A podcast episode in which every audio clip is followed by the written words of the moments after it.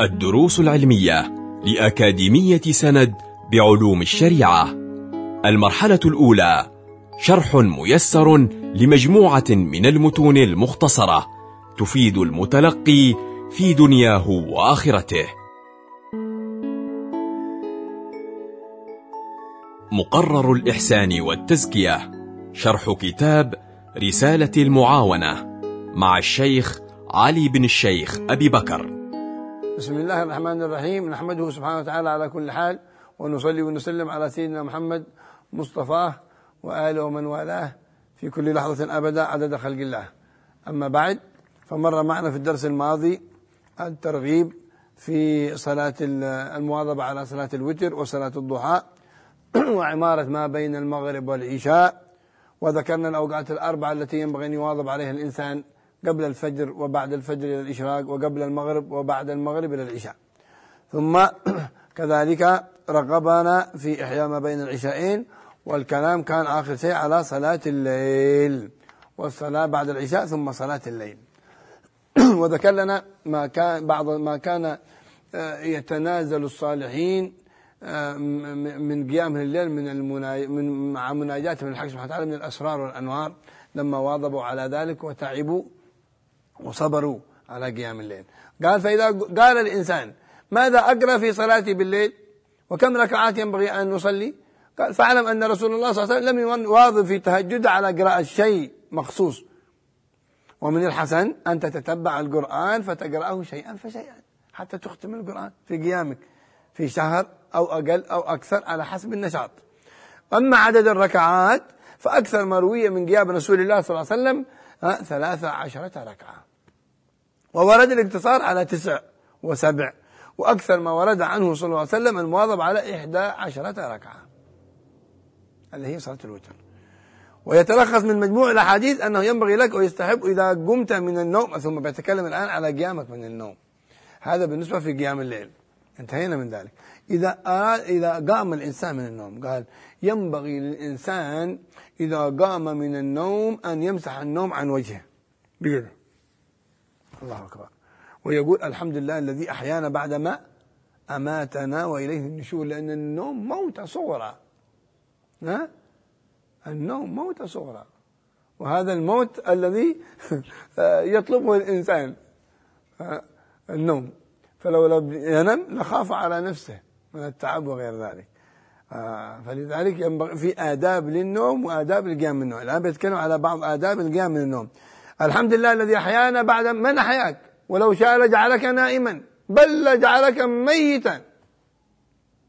ولكن أيقظك. سبحانه وتعالى. ها؟ نعمة من الله. ثم قرأ آخر سورة آل عمران المشهورة الواردة عن النبي صلى الله عليه وسلم أنه كان يقرأها. إن في خلق السماوات والأرض واختلاف الليل والنهار لآيات لأولي الألباب الذين يذكرون الله قياما وقعودا وعلى جنوبهم ويتفكرون في خلق السماوات والأرض. ربنا ما خلقت هذا باطلا سبحانك فقنا عذاب النار. دعوات عجيبة. إلى آخر السورة المباركة كان يقرأها صلى الله عليه وسلم إذا قام من الليل. ثم تستاك يستاك السواك سنة أن يكون سواكك عند مخدتك عند رأسك. وثم تقوم وتتوضأ وضوءا كاملا. والحمد لله تقوم من النوم بعافية تذهب إلى الحمام تخرج منك القادورات البول والغائط بعافية بصحة بدون ألم.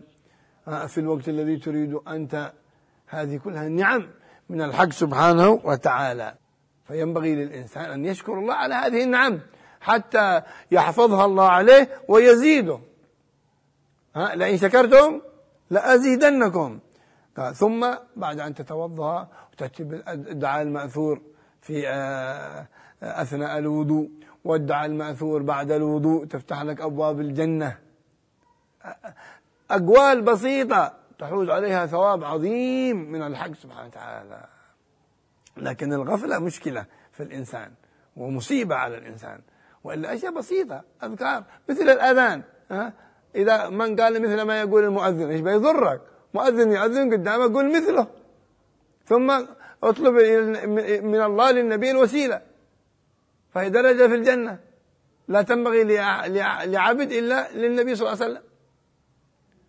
قال من قال مثل ما يقول المؤذن ثم قال اللهم رب هذه الدعوة التامة والصلاة القائمة آتي محمد الوسيلة والفضيلة والشرف والدرجة العالية الرفيعة وبعث المقام المحمود الذي وعدته إنك لا تخلف الميعاد. وجبت له شفاعتي. كلام عظيم ثواب عظيم. بشيء بسيط. طيب. صلي ركعتين بعد ذلك خفيفتين. أو صلي ما بقي لك من ما تبقى لك من الإيه؟ من الوتر. ثمان أو أكثر. صلي من تسلم من ركعتين ركعتين. أو من أربع. أو تجمعهم بتسليمة واحدة. فكل ذلك ورد. ولكن جاء في بعض الأخبار صلاة الليل مثنى مثنى. ولو جمعتها مع بعض ما يضر. ما يضر. قال ثم أن رأيت أنه بقي عندك نشاط فتتنفل ما بدا لك من النوافل زيادة. ثم اختم صلاتك من الليل بالوتر إن لم تكن صليته أول الليل. نعم. وهذه الثلاثة الأخيرة من الوتر ورد عن النبي صلى الله عليه وسلم أنه كان يقرأ فيها بها بهذه السور. بالركعة الأولى سبح اسم ربك الأعلى. وفي الثانية قل يا أيها الكافرون. وفي الركعة الواحدة يقرأ قل هو الله أحد. وقل أعوذ برب الفلك وقل أعوذ برب الناس. هكذا. قال هكذا كان صلى الله عليه وسلم. ثم بيذكر لنا قال ينبغي لك أن يكون لك ورد من تلاوة الكتاب العزيز. كلام ربك موجه إليك يخاطبك الله يستمع إليك الله لما تقرأ كتابه. تداوم على ذلك قراءته كل يوم وكل ليلة. فمن العيب أن يتصفح الإنسان كل يوم وكل وقت جواله أو واتساب عنده أو كتب أو مجلات أو غير ذلك ولا يفتح القرآن. ينور القرآن بصرك وينور بصيرتك ينورك جسمك وينور ظاهرك وينور باطنك وينور دنياك وينور أخراك وينور قبرك الذي تنتقل إليه. كيف يتركه الإنسان؟ غفلة. ها؟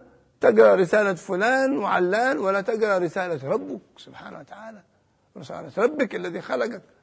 رسائل إليك هذه خاصة تخصك أنت. وتثاب على تلاوتها على كل حرف كما جاء عنه صلى الله عليه وسلم لا أقول ألف لا ميم حرف بل ألف حرف ولام حرف وميم حرف. كيف يغفل الإنسان؟ لذلك كانوا السلف الصالحين والحبيب صلى الله عليه وسلم إمامهم يقرؤون القرآن كثير في قيامهم في الصلاة ها؟ لا تقتصر على قليل على حسب نشاطك وهمتك. أدنى ذلك أن تقتصر على جزء جزء كل يوم. لا إله إلا الله. عشرين صفحة. بسيطة جدا. لكن من يواظب ومن يثابر على ذلك؟ ها؟ أو في كل في كل شهر ختمة. أو جزئين أو ثلاثة أو أكثر.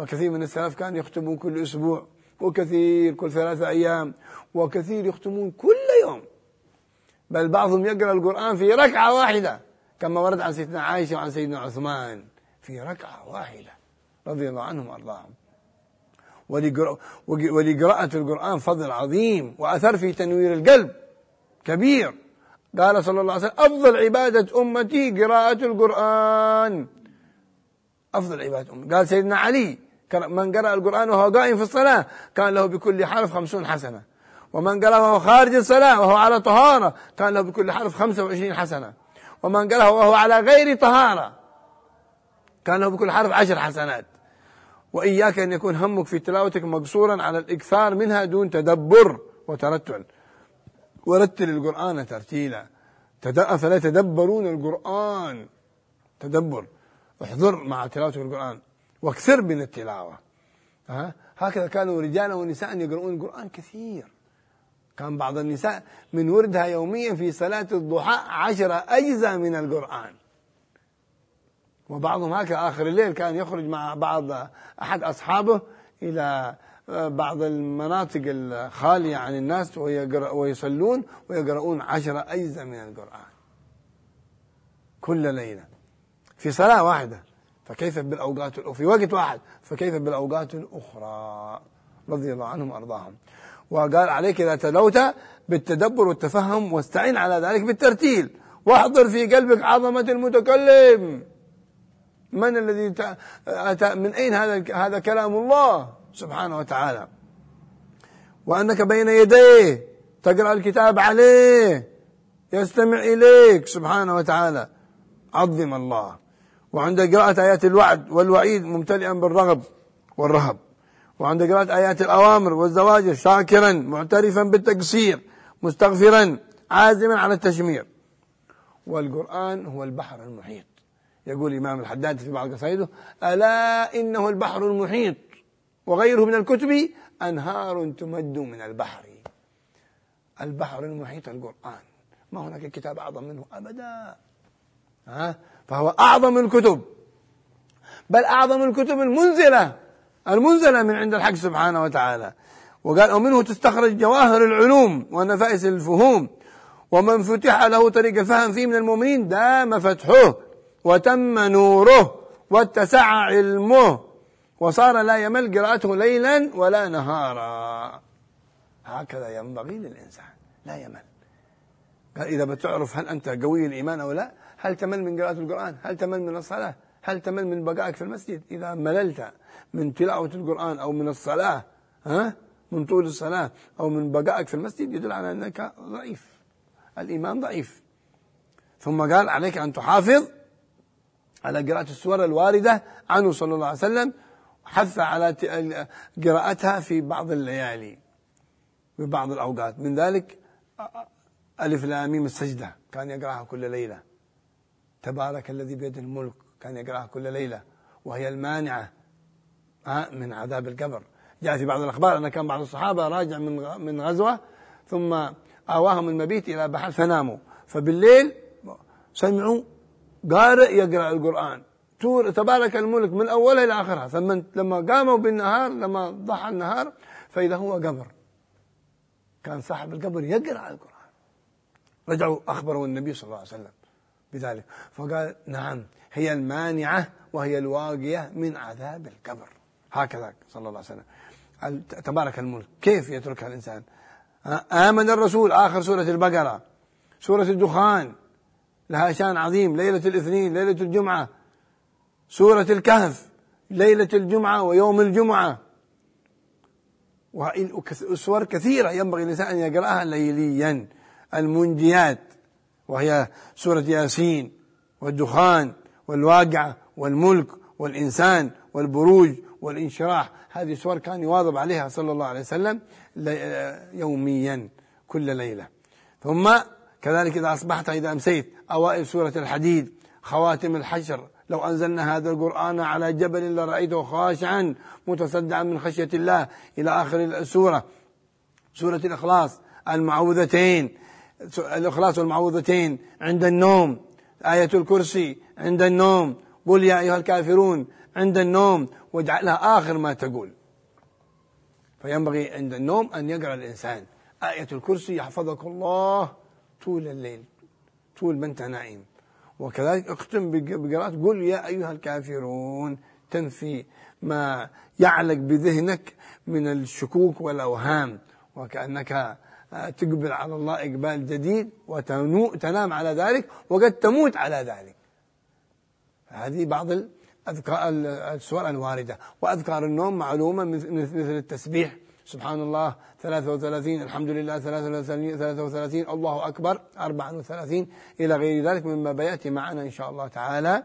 نسأل الله أن يوفقنا للعمل بما يحب ويرضى وأن يجعلنا ممن يثابر على تلاوة القرآن العظيم ويفرح بتلاوة القرآن ويطمئن بتلاوة القرآن ويعثر على أسرار وأنوار القرآن. وما خبأه الله في القرآن للصالحين نسأل الله يرزقنا العثور على ذلك بمحض المن والفضل والجود والكرم. وصلى الله على سيدنا محمد وآله وصحبه وسلم والحمد لله رب العالمين. كنتم مع الدروس العلمية لأكاديمية سند بعلوم الشريعة.